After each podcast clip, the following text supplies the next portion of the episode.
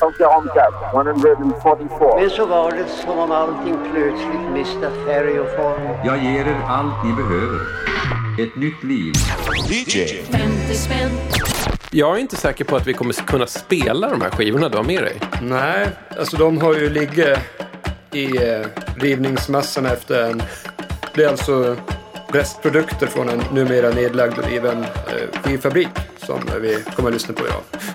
Och du, du har rotat runt där i, i någon slags industriruin Jajamän, och hittat massa skivor massor med skivor på marken. i marken. Tyckte det kändes lite ytligt att bara plocka det som låg överst. Jag ville liksom gå på djupet så jag tog med mig en spade och cyklade dit.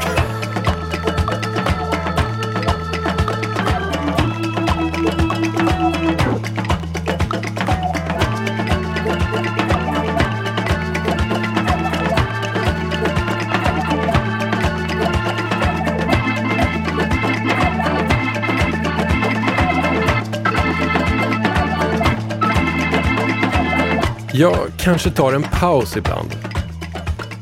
Men jag kommer alltid tillbaka. Det är mitt löfte till er som lyssnar. Så länge som det finns 10 kronors vinyl att köpa på loppisar så kommer den här skrapiga och dammiga och framförallt billiga musikpodden att finnas i podcastuniversum. Kan jag få ett amen? Och spelreglerna här, de är både enkla och eviga. En musikaliskt överintresserad person får en 50-lapp av mig. Och för de pengarna så ska han eller hon köpa fem begagnade skivor. Och Victor Johansson, du vet ju redan vad som gäller här. Ja.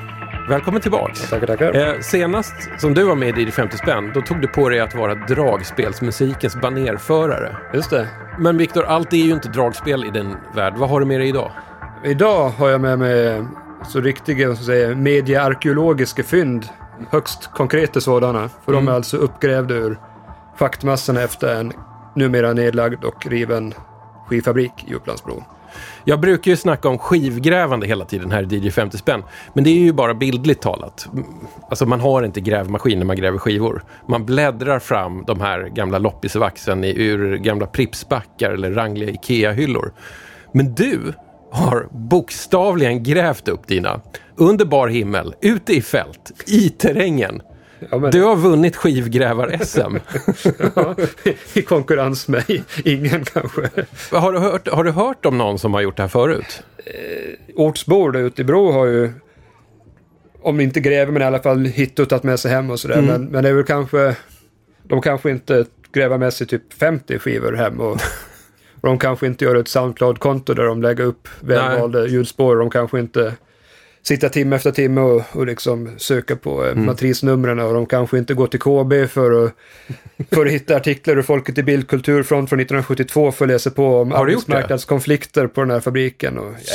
Ja, ni som lyssnar, ni hör ju att det här partiet av DJ 5 spänn, det blir något alldeles extra. Viktor och jag langar på dagens första skiva. Sen snackar vi gräv.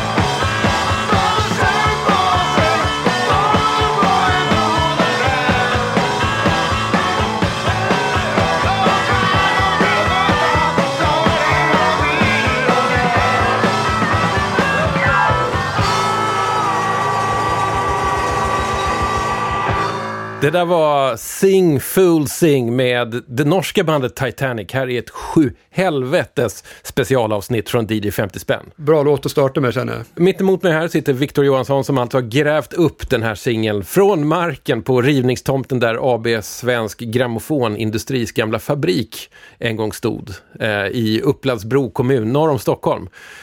Sa det här bandnamnet Titanic dig någonting egentligen?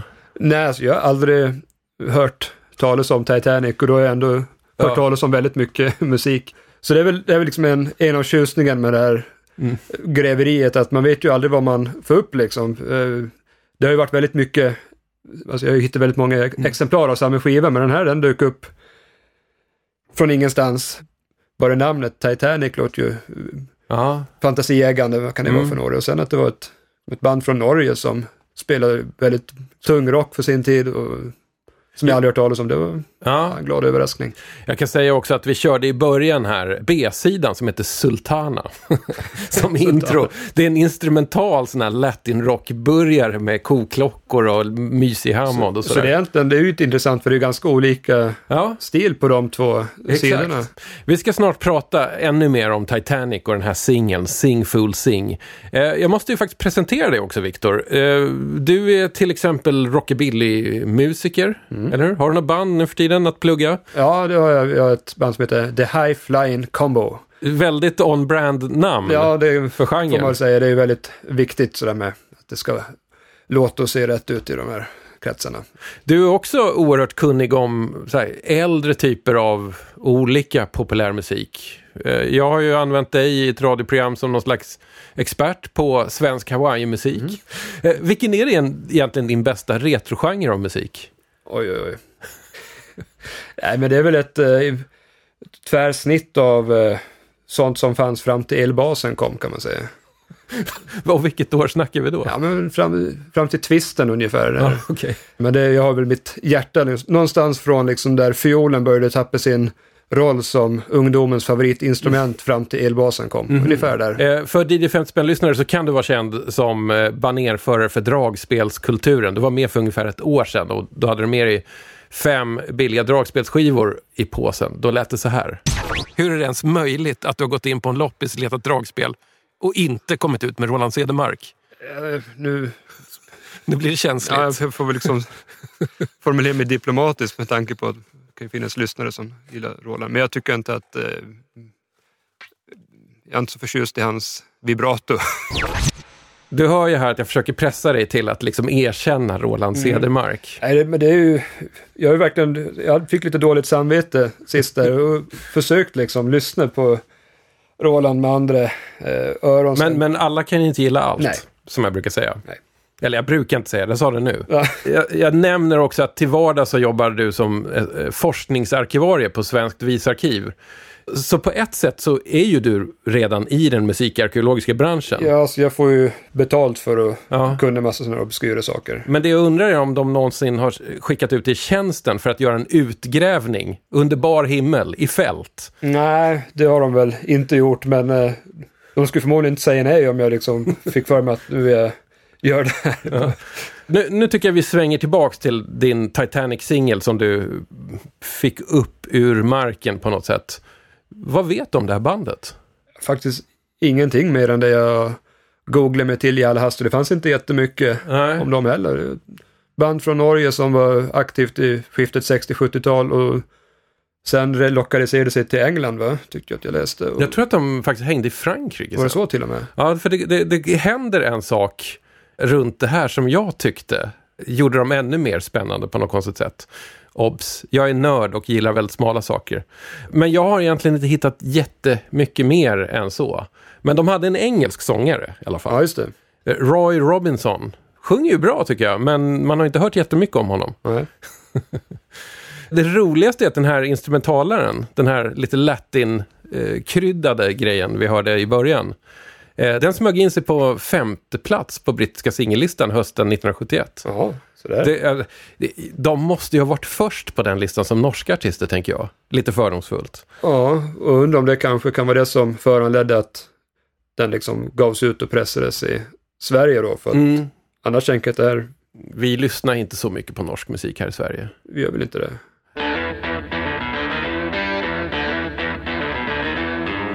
Men eh, jag blev lite peppad av att du hittade Titanic så jag gav mig ut på YouTube och surfade upp ganska mycket låtar med dem. Och jag gillade vad jag hörde för att antingen var det så här lite bluesig, rivig, ganska tung rock med det här 71-soundet. Du vet vad jag menar? Ja. Eller så gjorde de så här lite latin-svängiga Santana rip-offs. Bland annat så finns det en låt från 74 där ute som jag rekommenderar alla att lyssna på. Den heter Macumba och den toppade den spanska singellistan 1974 och är, ja, det jag måste säga, jag, jag ger en fem av fem. Ja,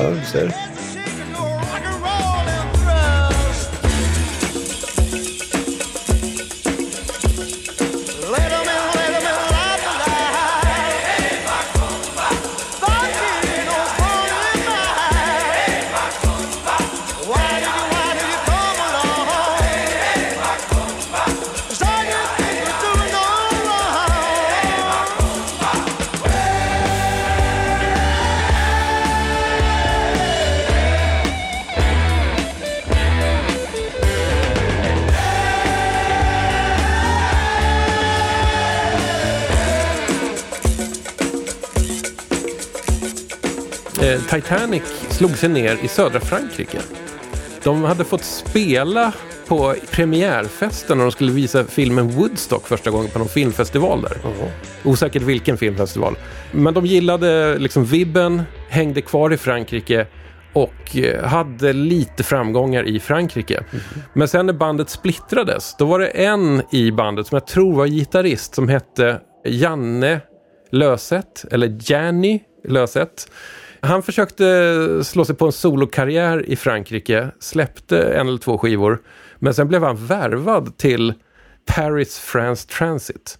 Det namnet säger inte någon någonting, men det var, vad ska vi säga, fortsättningen till det franska Space, discobandet Space, Aha, sådär. som också då var ett av få västländska band som fick turnera i Sovjetunionen och blev enorma där.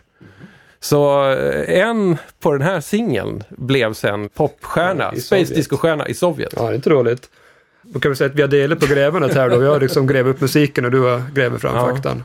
Vi, kanske är klara med, med eh, norska Titanic. En ny bekantskap för, för både mig och dig. Ja. Kommer vi kunna hålla den här klassen rakt igenom tror du? ja, men jag tror i alla fall kommer hålla en viss eh, intensitet. Eh, vågar, jag, vågar jag lova. Jag, jag tycker att jag har ju bara tagit med pärlor givetvis. Mm. Än så länge har ingen skiva hakat upp sig. Nej, men vi har bara lyssnat på en å andra sidan. sant. vi slänger på nästa. Ja.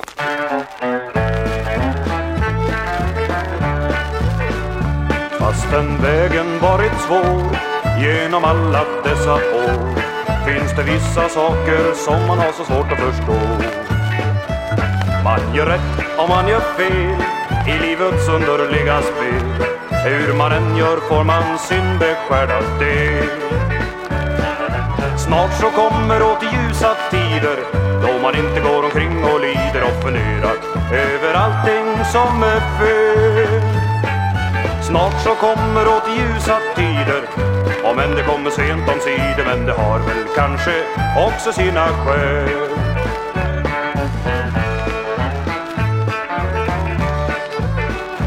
När jag sitter här idag och är tveksam på mitt ja Tänker jag tillbaka på den tid som var och av allt som jag nu ser kan jag inte önska mer än att livet än en gång emot mig ler. Snart så kommer åt ljusa tider då man inte går omkring och lider och funderar över allting som är fel. Snart så kommer åter ljusa tider om än det kommer sent om sidor men det har väl kanske också sina skäl.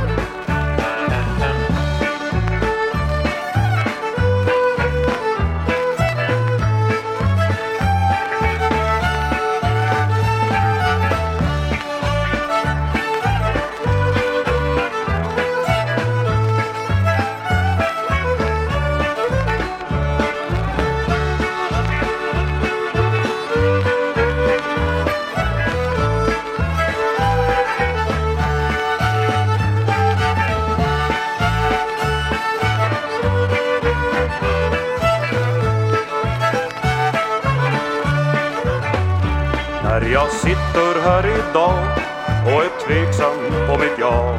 Tänker jag tillbaka på den tid som var. Och av allt som jag nu ser kan jag inte önska mer Än att livet än en gång emot mig ler. Snart så kommer åt ljusa tider Då man inte går omkring och lider och funderar Över allting som är fel. Snart så kommer åt ljusa tider Om än det kommer sent om sidor Men det har väl kanske också sina skäl Men det har väl kanske också sina randiga skäl Helt otroligt. Två singlar spelade som är uppgrävda ur marken. Och skivan har inte hakat upp sig en enda gång än så länge. Nej, det var lite svajigt däremot. här, Det var det. Får man Men säga. det, alltså det här är väl western swing. Vi kan kalla det för western svaj. Det. Fyndigt. Vad var det vi hörde egentligen? Ja, men det här är ett band också som helt nytt för mig när jag grävde upp där. Men de heter Gibastra. Vad är det för Eh, jävla Det är ett namn? jättekonstigt namn för det första.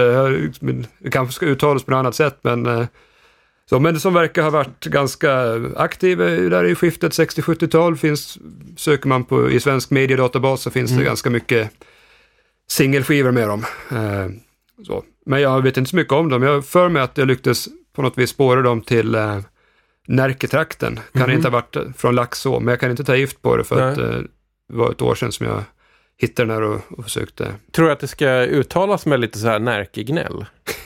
Gibastra. Masterna.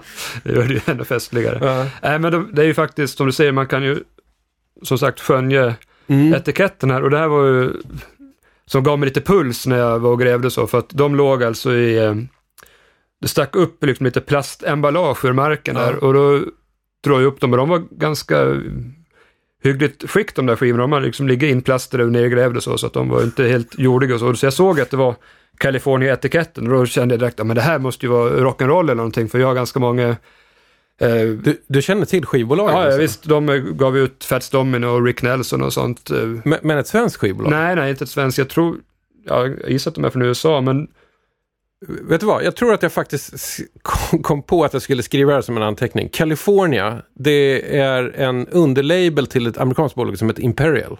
just det. Men de verkar ha funnits etablerade, i, om inte i Sverige så I åtminstone Europa. i Europa i Ja. alla fall. Så jag tror att mycket så här, av ja, Imperials artister får man anta då, när de gavs ut i Europa så var det via California-labeln. Mm. För det, jag har ganska många sådana skivor med amerikanska rock'n'roll-artister, men köper man en USA-pressning av Fats Domino till exempel Mm. så brukar det vara något annat skivbolag, Imperial. Då. Eh, Så det var, jag ja men det här måste ju vara något eh, rock'n'rolligt. Så jag gräv hem efter spade och Hade handskar. puls? Och, ja, jag hade puls och grävde upp det. Så den första jag fick, när vi kom hem då, liksom tvättade av dem, så var ju något ganska mediokert, eh, halvreligiöst, eh, halvdansband, konstigt, så det var inte så kul. Och så tvättade jag av något till och det var samma eh, där som var ganska trist. Men sen så dök den här upp. Och det är ju alltså, för de som inte känner igen låten så är det ju en försvenskning av en eh, amerikansk western swing-klassiker som heter Oklahoma Hills. Mm. Eh, ursprungligen skriven av Woody Guthrie, Ja. men som har blivit känd av hans kusin Jack Guthrie. Jaha. Och sen har den spelats in av jättemånga andra Ja. amerikanare. Bland annat, bland annat Jim Reeves och jag misstänker att den som introducerade den här i Sverige var ju Gunnar Wiklund genom sin platta med Jim Reeves tolkningar. Ja, ja, ja. Och så kanske de här eh, Gibasta då har ja. upptäckt den vägen, gissar jag. Den, den här är ju vassare än eh, Gunnars. Ja, absolut. Och det är ju, sången kanske inte låter helt inspirerad, man undrar lite grann, tror han verkligen på att det snart kommer att komma ljusa tider? Men däremot så är ju bandet är ju skitbra. ja. Det är ju enormt liksom, eh, liksom en riktig country fiddler och, och ju Ja, men jag, tyck, jag tyckte det lät toppen faktiskt. Ja, Så jag har lyssnat mycket på den här det senaste året måste jag känna. Mm. Jag har ganska många exemplar av just den här för jag tänkte det är bäst att gräva, ta upp ett gäng ifall att Mm. ifall den ena inte går att spela kanske den andra går. Du, jag råkar veta att på andra sidan av den här skivan så är det ju en helt annan försvenskning. Ja, Ska, ska vi inte bara ta, droppa ner nålen på den? ja, så ja jag- absolut. Det, det är du som bestämmer.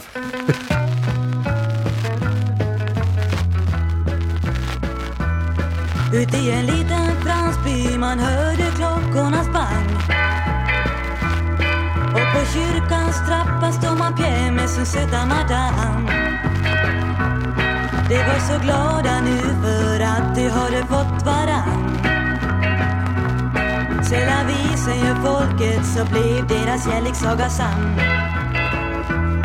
De for iväg till stan och möblerade två rum och kök.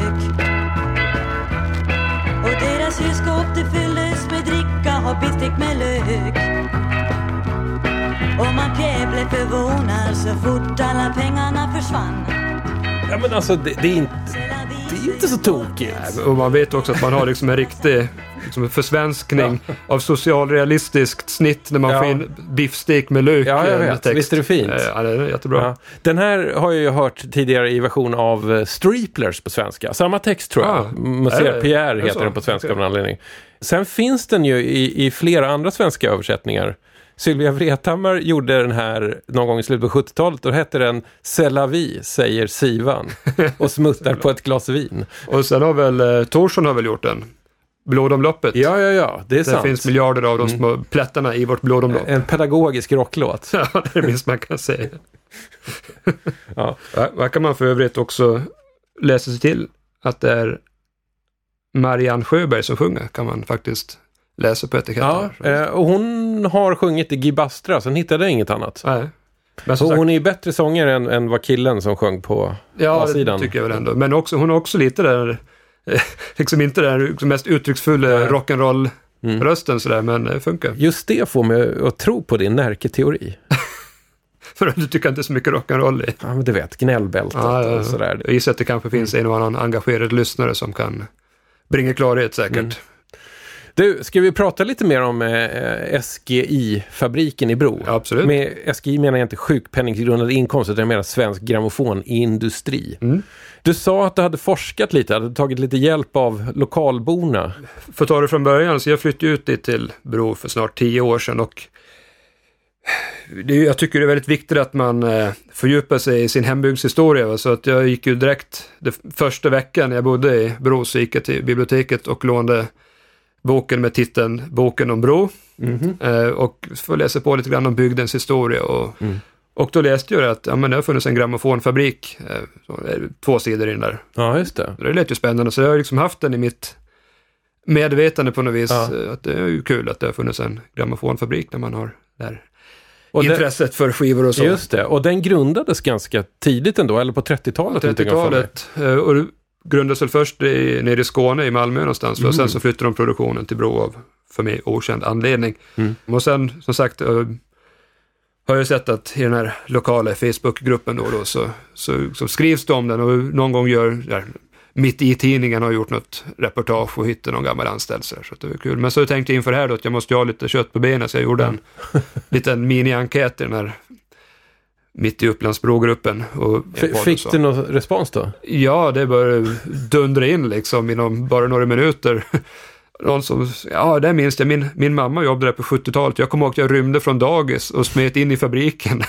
var det någon som hade gjort. Mhm. Eh, Och många som har haft sommarjobb där. Och så jag, jag tror att det här liksom ändå är en fabrik som på något vis eh, betyder någonting i brobornas kollektiva minne. Det är lite kul att det har funnits en, en skivfabrik. Det är ändå liksom någon sorts eh, Men det är någonting att vara stolt över. Ja, det kan, hade varit liksom en, eh, en färgfabrik eller en kemisk industri eller så hade det kanske bara varit elände, liksom en mark man inte kan gå på. Ja, ja. För att den är Mm. förorenad. Det är liksom inget, inget som riktigt triggar någon fantasi kanske, men här är ändå eh, skivor och det är musik och det jag, jag tror det finns mer att berätta liksom genom en skivfabrik än Ja. annat kanske. Jag vet väldigt lite om, om egentligen hur- en skivfabrik funkar. Alltså är det en stor arbetsgivare?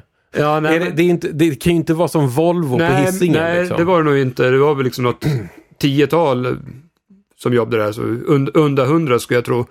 Eh, Men det verkar ju vara en ganska omständig process liksom med många moment med, Mm. och ganska som varmt och mycket ånger och mycket plaster och Ja. farligt och så här. Och det är ju intressant därför att de berättelser som liksom finns i, det, i den liksom kollektiva berättelsen bland brobor är ju väldigt eh, positiva. Man har glada minnen, man hade sommarjobb där, man fick, man fick ta med sig skivor gratis hem. Det var, Ja. Man kunde höra de senaste slagersarna på, på den lokala bion, då kom de direkt från, Ah. från pressningen och så fick man höra liksom provlyssna på nya och så här. Men Sen hittade jag ju det här reportaget i Folket i Bild Kulturfront då, från Ah. FIB, FIB Kulturfronts första Som är nummer. lite kritiskt. Lite kritiskt, ja. Vi kommer till det sen. Okej, vi kommer till det sen. Ja, för det är ju en liten annan kontrast av eh, taskig arbetsmiljö och så vidare. Just det, just det.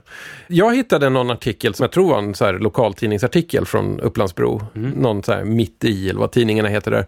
Det fanns en detalj där som jag fastnade lite för. Eh, och det var, det var någonting som gick tillbaks till när de gjorde alltså stenkakor, 78-varvare. De gjordes ju inte av vinylplast, utan de gjordes av någon slags shellac eller någonting sådär. Och då var det så att de olika skivbolagen hade olika recept på den Just här det. massan eh, som man pressade. Och ofta så var det ungefär 50% av det man gjorde den här massan av. Det var, det var redan nermalda gamla stenkakor. Även så var det ju under, under andra världskriget när det var eh, shellackbrist och då, då fick man inte köpa en skiva utan att lämna in en i pant. Va? Så att då, som liksom gick tillbaka till produktionen så att säga. Men, men, men, men, hur gjorde riktiga skivsamlare på den tiden? Ja, de hade, de hade det väldigt svårt kan jag säga. Jag hörde eller såg en intervju med någon som var så jazzsamlare på den tiden och som hade jättejobbigt. Han gick liksom och tjatade sina grannar om han inte kunde få lite, någon, någon överbliven gammal Mm. skiva som han kunde få lämna in. För han vill ju inte liksom lämna ifrån sig liksom någon Louis Armstrong eller någon, Nej, nej. något hett vax från, från staterna som han hade kommit över liksom. Så, så det var nog inte, inte lätt att vara skivnörd under brinnande världskrig inte. Nej, det kan jag tänka mig. Jag, jag är så pepp här. Vi har, vi har spelat två och en halv låt kan vi säga. Och nålen har inte hoppat en enda gång. Och då är de här skivorna ändå uppgrävda. De har legat i decennier utomhus. Ska vi ta en till? Ja, absolut. Well, I'm ready, I'm willing,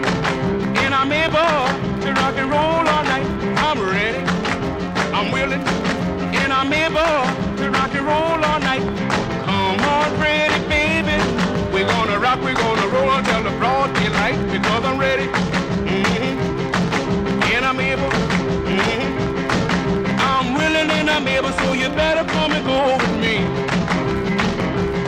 We're gonna rock and roll, tell them more about free.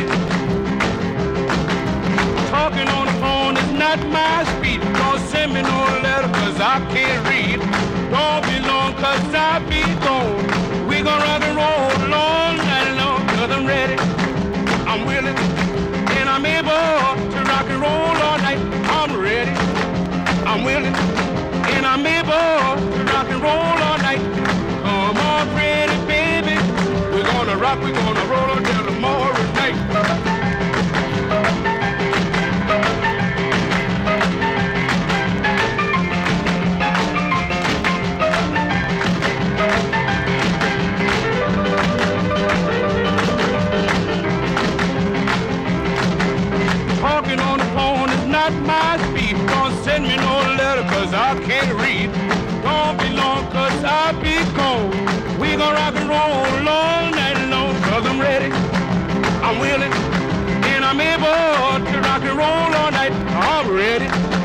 I'm willing and I'm able to rock and roll all night. Come on, pretty baby. We're gonna rock, we're gonna roll until tomorrow night.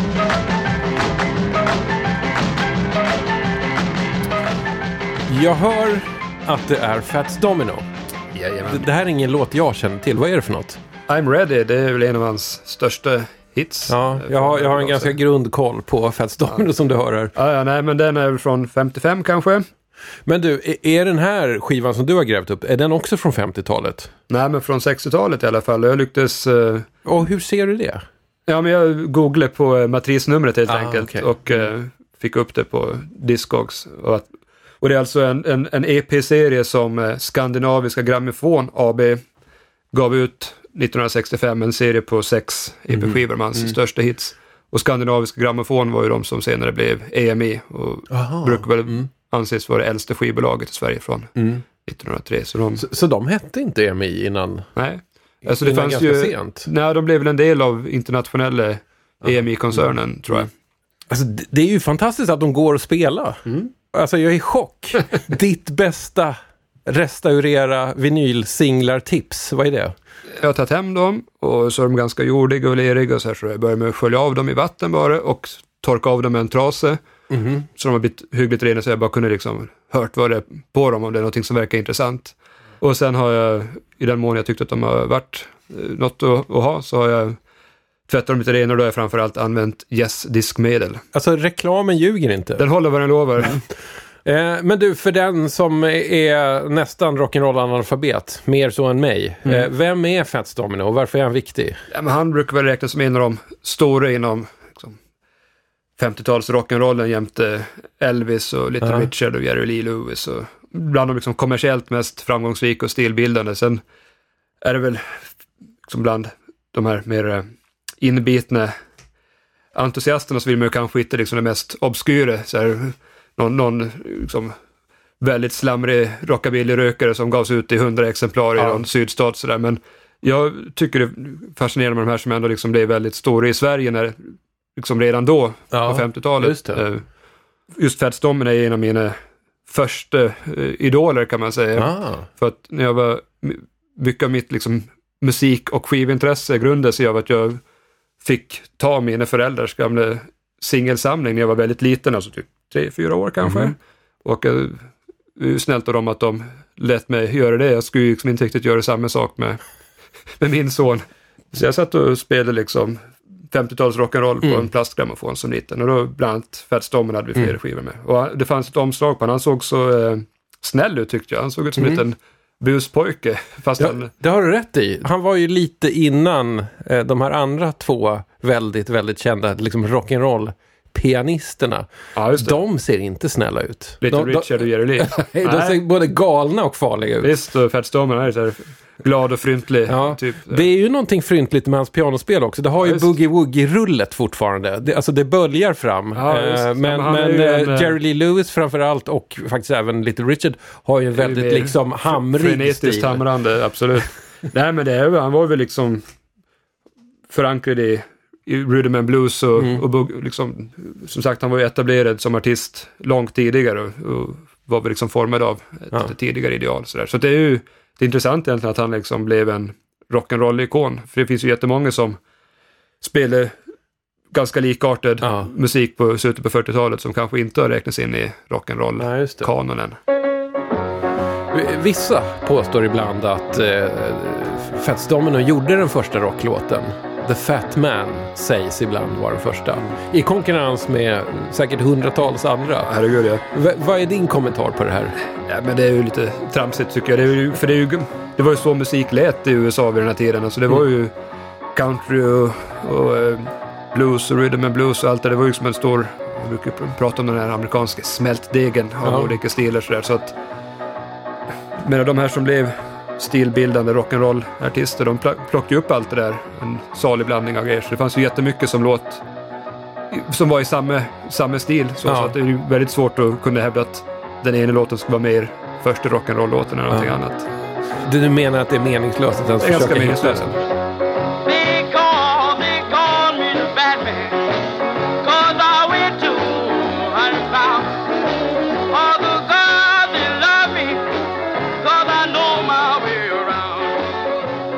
Men däremot är det synnerligen meningsfullt att lyssna på, på liksom allting från skiftet 40-50-tal från, från den här tiden i USA. Det finns ju så mycket bra att, att lyssna på. Okej, Viktor, du har redan teasat om det. Du har grävt upp ett gammalt nummer av Folket i Bild Kulturfront. Den här vänsterlutande, eh, tidskriften som är kanske mest känd för att de hade megaskopet där de avslöjade IB, den här ondskefulla, hemliga underrättelsetjänsten som ingen hade koll på. Men de har alltså skrivit också om skivfabriken i Bro. Ja, innan, innan Jan Guillou då avslöjade IB-affären så var han ute och avslöjade missförhållanden i Upplandsbro. Var det han som var reporter? Ja, han och Erik Fichtelius, Förlåt. som väl senare var chef för Utbildningsradion. Var Erik Ja, ja, det var han. Ja. Mm. Och man, man anar liksom en ung Jan Guillou i toppform här. Ja, ja. Jag bara, känslan är att arbetsfördelningen var att Jan Guillou han var ute och liksom gjorde grävet på plats och han fick Telius kanske var den som intervjuade någon inspektör på Arbetsmiljöverket. Mm. Ja, jag tror dig. Det känns som Ja. han, med tanke på att Fichtelius har varit utbildningsradiochef för någon Mm. utredare på KB nu, så, så det känns som att han kanske mer har en dragning åt det hållet medan Guillou är ju mer liksom Ut, ute på fältet. Ute på fältet. Uppkavlade ärmar. Uppkavlade ärmar. Stirra ner någon, någon eh, VD. Ja, fast eh, han är ju lite misslynt där, för han, får, han får, lyckas ju inte få någon kontakt med VD, framgår det. Men, eh, men det händer ju mycket annat dramatiskt Ja. där. Och, och bakgrunden är ju alltså missförhållanden på den här skivfabriken med odräglig arbetsmiljö, det är varmt och det är dålig skyddsutrustning med maskinerna och så. Och det är en Ja. ung tjej som har i en arbetsplatsolycka förlorat tre fingrar Just det, i någon maskin i någon där. maskin där ja. som inte haft någon skyddsanordning. Ja. Så han intervjuar den här unga tjejen och hennes mamma om Kanske till och med kan få läsa ingressen innan till den var ju ganska ja, men gör det. rafflande. På Svensk Grammofonindustri AB i Upplandsbro är arbetsförhållandena outhärdliga. Hetta och kyla, kvav och stillastående luft plågar ständigt arbetarna. Företaget nöjer sig med att bjuda på gratis huvudvärkstabletter ur en stor burk. Toaletterna stinker och vattnet är odrickbart. De ofullständiga säkerhetsanordningarna har bland annat lett till att en arbetare får tre fingrar avklippta. Och då försöker företaget skylla ifrån sig på arbetaren. Oh. Företaget såg till hårt mot all kritik. En arbetare fick i själva verket sparken som straff för sina protester. När arbetarna skulle använda Folket i Bild Kulturfront som språkrör för sina protester svarade företagsledningen med polisanmälan mot tidningens reportrar och skickade ut polis som fick order att försöka beslagta våra bilder. Oj, oj. Arbetarnas kamp för sina rättigheter på Svensk Grammofonindustri AB skall kvävas till varje pris och med vilka medel som helst. Så det Ja, sätter ju tonen ganska bra. Ja, ja. I din lokala Facebookgrupp så minns man det, det glada och fina med det här. Men eh, läser man det här reportaget så, så låter det ganska eh, hemskt. Ja, jag ja. skulle inte vilja jobba där. Nej, det, det, var- det var det säkert. Jag menar, man, man tycker det här är liksom lite gulligt och så för att det är en Mm. skivfabrik och för att vi tycker om skivor och musik och sådär. Men, men det var ju en kapitalistiskt driven, Ja, ja. vinstdrivande industri vilken, vilken som helst. Och menar, början på 70-talet så var det ju ganska miserabla förhållanden på många arbetsplatser i det här landet. Det var Mm. obefintligt arbetarskydd och arbetsmiljö var liksom inget, det var innan många arbetsmiljölagar och sånt Ja. hade införts. Så att det är nog inget, inget påhitt där liksom. Exakt, och det som jag lärde mig av att läsa den här artikeln och några andra sådana här lokaltidningsartiklar om det här, det är ju hur, hur otroligt manuellt jobbet var Ja, i en skivfabrik vid den här tiden. Det var inte eh, industrirobotar, det var inte maskiner som gjorde allting, utan det var en människa som var tvungen att ta bort den här brännheta skivan när den var färdigpressad Mm.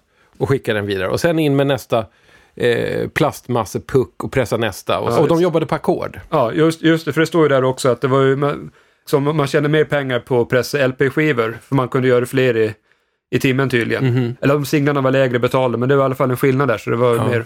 Och också att, att de har för att sänka lönerna, så har de anställt kvinnor Ja. som låglönearbetskraft. I huvudet just nu spelas eh, Fred Åkerström, Sådan är kapitalismen. Eller hur? Det är ju väldigt dramatiskt här också, för att de är, dels har de ju varit och liksom gjort olaga intrång på fabriken. De, är väldigt, de framhäver det väldigt Ja, tydligt att det är ändå Jan Guillou. Det är ändå Jan Guillou. Så de har varit inne och fotograferat på fabriken fast de inte får lov. Och när de är hemma och intervjuar en anställd så kommer tydligen polisen hit och beslagtar filmen. Ja, det är lite, nästan lite... Så det känns som ett Ja. preludium till IB-affären. Ja, faktiskt. vis, I, i själva dramaturgin. Men sen, är, det verkar inte riktigt som de följer upp där sen. Jag gick ju igenom några, inte jättemånga nummer till, men ändå de följande. Så man fick, fick inte riktigt veta vad, vad som hände sen, om det blir någon ordning och reda där.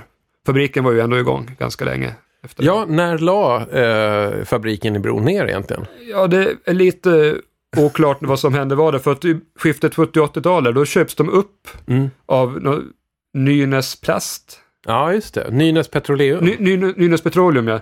Som eh, på något vis ska använda sina restprodukter till vinylproduktion. Eh, men sen verkar det ha gått i stå där och då drog sig de här eh, som hade drivit eh, grammofonindustrin ur. Och sen så säljs det vidare och blir audiodisk. Mm. Och som tydligen faktiskt finns kvar än idag med Ja. med en adress i Bålsta, men jag vet inte om de har någon produktion. Och de gick så småningom över till CD-pressning, men hade tydligen, dels erbjöd de vinylpressning, men även 78-varvspressning tydligen, ganska långt fram i tiden. Eh, Kanske inte var en jättemarknad, men det det är ändå fint att det fanns. Det är fint att det fanns, för nu kan du banne mig inte pressa en shellac-disk någonstans längre. Okej, Viktor. Nu ska vi ta en liten sensation som du har grävt fram ur tundran i Bro. Det verkar som blixten slagit ner i stan. Alla pratar bara om den nya bruden som härjar här på danshaken om kvällarna. Men jag tar det med ro, för jag vet att hon är min go-go-flicka. Min go-go-flicka, en helvalsbrud. Hon tänder mig med sina ekande ljud. Hon har stil och profil, saknar ingenting min go-go-flicka. Dansa sötnos, en shake för oss. Låt höfterna vibrera, nu släpper vi loss. Dansen är din, rytmen är fin. Hon blir som i extas, min go-go-flicka Go-go-flicka, go-go-flicka Dina runda former är mums för en karl. Är mjuk som en katt, men farlig så att. Se upp för glorna på min go-go-flicka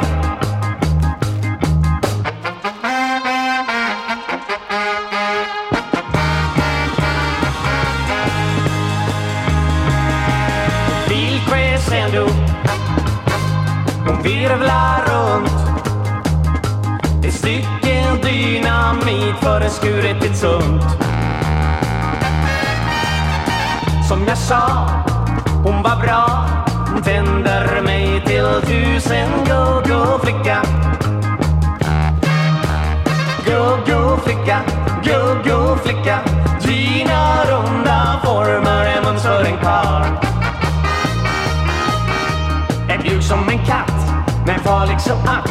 Se upp för glorna på min Go-go-flicka,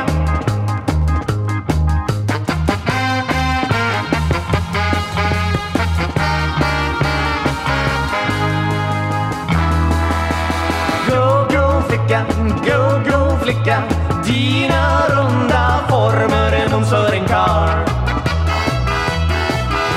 Är mjuk som en katt, men farlig så att. Se upp för klorna på min go-go-flicka Se upp för klorna på min go-go-flicka Där satt den! Boströmmarna är det här alltså. Man kan säga den lämnar väl ingen lyssnare oberörd. Nej, jag måste säga det här var fantastiskt. Hur kändes det när du hade tagit fram den här ur marken, burit hem den, putsat den, borstat bort dammet och så får du det här i öronen. Jag kan säga att jag blev helt jävla perplex faktiskt. Men det här blåsarret, det är Ja, men- sinnessjukt. Om lyssnaren inte är bekant med, med originalet kanske det liksom inte är helt uppenbart varför den här är konstigare än någon annan Nej, sån här nej. tidstypisk Ja, Fast den, alltså, den är ju också eh, snudd på bisarr egen Ja, absolut. Ja. Men jag tycker den blir ännu mer bisarr om man har... Alltså det är ju en ytterligare en försvenskning Japp. av Sir Douglas Quintet som är ett fruktansvärt bra band. Japp. Eh, som, de är så, som, så jäkla roter i någon sorts eh, amerikansk och tex-mex tradition. Mm. Så det är liksom... Doug Samler, sångaren, han är ju liksom så helt tuff man bara kan bli tycker jag.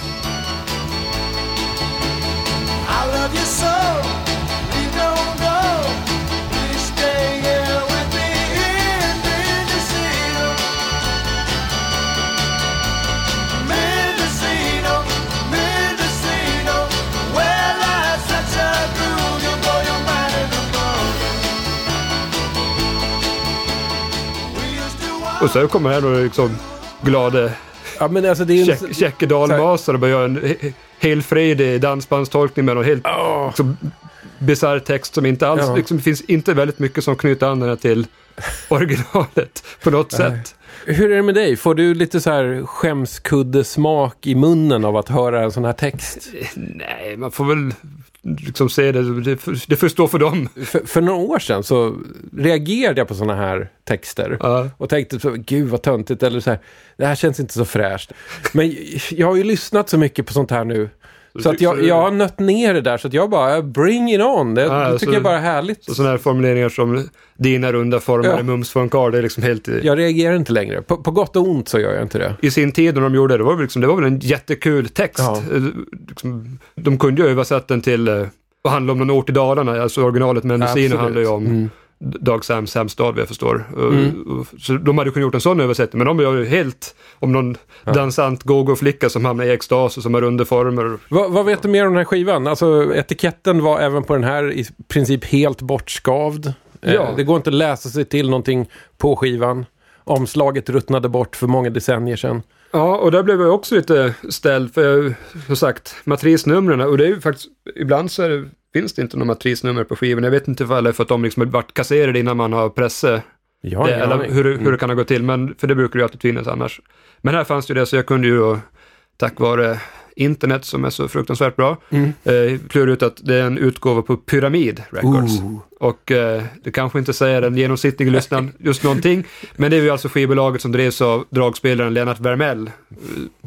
eh, eh, Fram tills, ja, fram till han, han dog tidigare i år, så han hade väl liksom sitt skivbolag faktiskt igång, fast jag tror på slutet gav han mest ut återutgåvor med sig själv. Mhm. Men han eh, hade en rik utgivning av framförallt dragspelsmusik Mm. på 60-70-talet.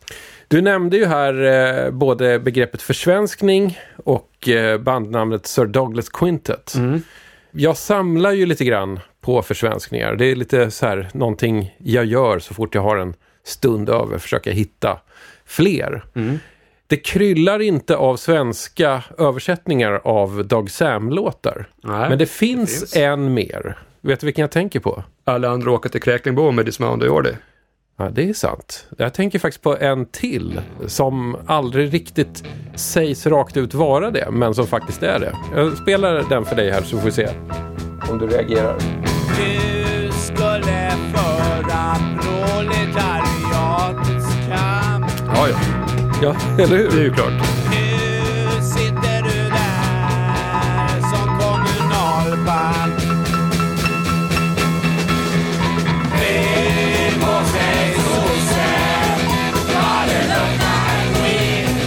Gud i brallans eh, sosse.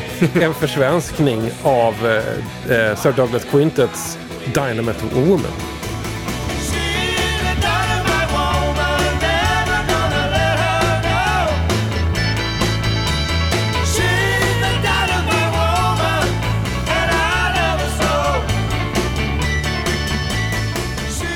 Har du hört this mouse? Jag, kom, jag har den inte i huvudet just nu. Ja, nej, men det är ju en försvenskning av Is anybody going to San Antone? Men de sjunger ju om Kräklingbo marknad, alltså ett, som är ett årligt återkommande marknadsevenemang på mellersta Gotland. Ja. Eh, som jag själv åkte till som Mm. liten. Man åkte dit och köpte marknadskonfekt och åkte Paris-rul och sånt där. Berättar jaget och beklagar sig att alla får åka till Kräklingbo men jag får stanna hemma. Och, Mm. så, ja. Längst jag hörde den finns inte på YouTube eller Spotify. Skandalöst nog. Skandalöst. Men det är ju upp till användarna att se till att det hamnar där, tycker jag. Det är det ju, absolut. Jag, jag är lite, alltså systemet i mig är lite i chock efter boströmmarna. Alltså. Alltså, jag inser att man kanske skulle haft liksom någonting så här för att ta ner det. Men jag, Ja, har du det? nej, jag är inte bland dem jag valt ut. Men, Nej, men vi har bara en skiva jag har bara kvar. en skiva kvar och det blir Och, och, och jag påminner. Än så länge har inte en enda skiva hakat upp sig. Nej. Well, she's all you'd ever want. She's the kind I'd like to flaunt and take to dinner. But she always knows her place. She's got style, she's got grace. She's a winner. She's a lady. Whoa, whoa, whoa, she's a lady. Talking about that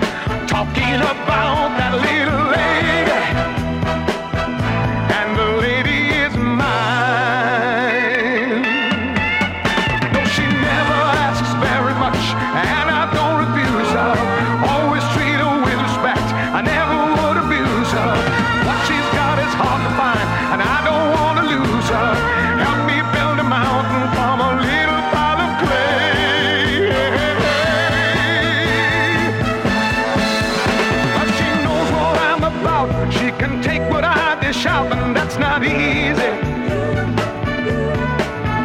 Well, she knows me through and through, and she knows just what to do and how to please me. She's a man.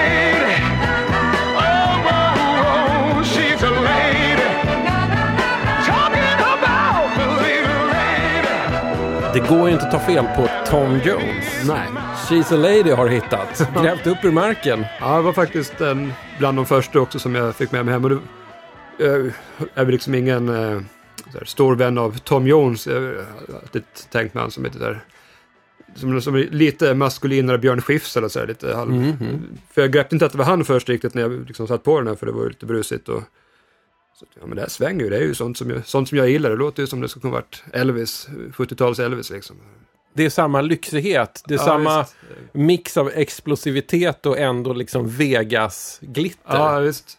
Så det känns ju som att han har hämtat inspiration Det tror jag. därifrån. Mm. Han, han, jag har förstått nu när jag får korv lite grann i Tom Jones att han var ju, de var ju kompisar han och Elvis. I alla fall enligt Tom själv då, men det Ja. får man, finns väl an, ingen anledning att ifrågasätta det såklart. Tom Jones har också själv sagt någon gång att han, han och Elvis då och då träffades och så sjöng de lite tillsammans. De sjöng de gospel. Ja, ja visst. Och, och, eh, För för helvete, varför gav ni inte ut tio gospelskivor då? Idioter. ja, han berättade också att eh, de var så bra kompisar så Elvis kom liksom in eh, när, när Tom Jones stod i duschen och kom Elvis in på ställde sig sjöng utanför för han kom på en sån fruktansvärt bra gospellåt som Tom Jones måste lyssna på. Och liksom så nära kom Elvis aldrig någon annan liksom. Men de, var så bundna sig så att de... Är Källa Tom Jones, eller? Ja, exakt. Den här skivan, det var på håret att det gick att spela. Ja, det det, det blev Tom svajigt. Jones med lite extra svaj där. Så att, eh, vill ni höra den här på riktigt så får ni hitta den någonstans. Det, det är en av hans mest kända låtar, så att den är inte direkt obskyr. Nej, det är den ju verkligen inte. Eh, Men så här Viktor, du har ju varit ute eh, i rivningsmassorna efter den här fabriken som håller på att bli någon slags pendlarparkering. Eh, och plockat på dig ganska mycket. Hur, hur många skivor har du egentligen samlat på dig där? Jag har en kartong hemma som jag ännu inte har gått igenom så det är väl något 50-60-tal kanske. Mhm. Sen har jag, jag har slängt några, eller ganska många, Hemmets Härold till exempel. Det är väldigt mycket religiöst. Vet du varför det har kryllat av skivor på den här gamla industritomten? Är, är de kasserade? Alltså en del är ju uppenbart det, för där, där finns det där, de som väldigt, eh, kanterna är väldigt risiga, det är massa där trådar som sticker ut och så där, så att förmodligen var, det blev väl mycket spill i produktionen såklart, så en del är väl sånt som bara dumpas för att de inte, de blev kasserade helt enkelt. Sen vet jag inte, kanske lite restlager och sådär. Ja. Och det är också det här, liksom den här gropen där jag har varit, det var verkligen som en krater liksom, där det låg jättemycket skivor, eh, både i och på marken och under. Och nästan alla är från 1971.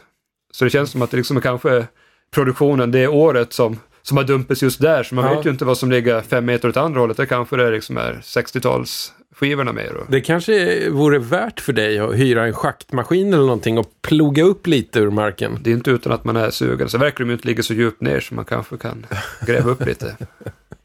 Det är frågan hur långt man ska dra sånt här också. Men har det här känts på något sätt eh, skadligt att hålla på med under, under pandemiåren? Ja, inte annat än att det kanske fanns tendenser till att utveckla en viss eh, mån av eh, att säga, köksbordsalkoholism.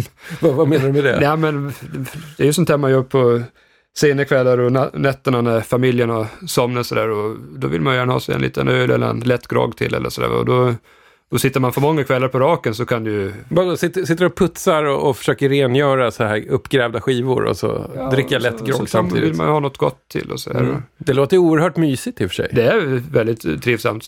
Victor Johansson, det här var helt otroligt. alltså det, det första verkliga, bokstavliga skivgrävet i DJ 50 spänns historia. Hur kändes det? Det känns som att det är liksom min grej att jag kom hit och var först med saker. Jag var först med... Du bröt med- dragspelsvallen. Med, dragspels, Mm. eh, med, med råge och sen först eh, skivarkeologen på riktigt och Med spade i hand. spade i hand. Så jag vet inte riktigt vad, vad jag ska göra för att få komma tillbaka en gång till. Nej, jag har ingen aning. Det känns lite futtigt nu, men vi måste ändå hålla lite på vissa centrala och eviga värden.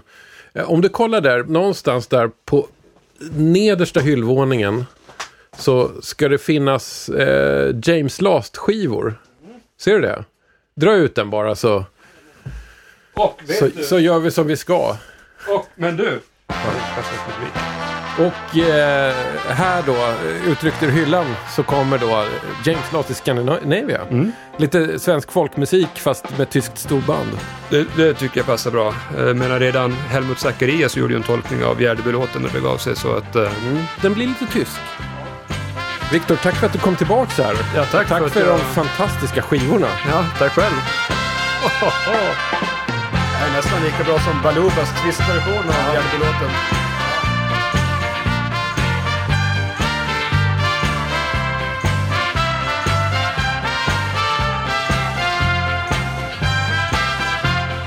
Du tog dig ut på andra sidan av ännu ett avsnitt av DJ 50 spänn. En väldigt independent musikpodd för oss som gillar att köra på småvägarna. Allt du har hört är producerat av mig, Tommy Jönsson. Och den här podden görs i samarbete med produktionsbolaget Rundfunk Media. Tack för att ni lyssnade. Josef och Maria var trolovade. Men eh, Josef hade bekymmer. Maria väntade ett barn som inte var hans och de var inte gifta. Josef, som var en hederlig man, ville nu bryta förlovningen. Han låg vaken och grubblade hur han skulle göra. När en ängel uppenbarade sig för honom. Ängeln det är jag. Djurrikets kung. Som kom från Afrika. När jag var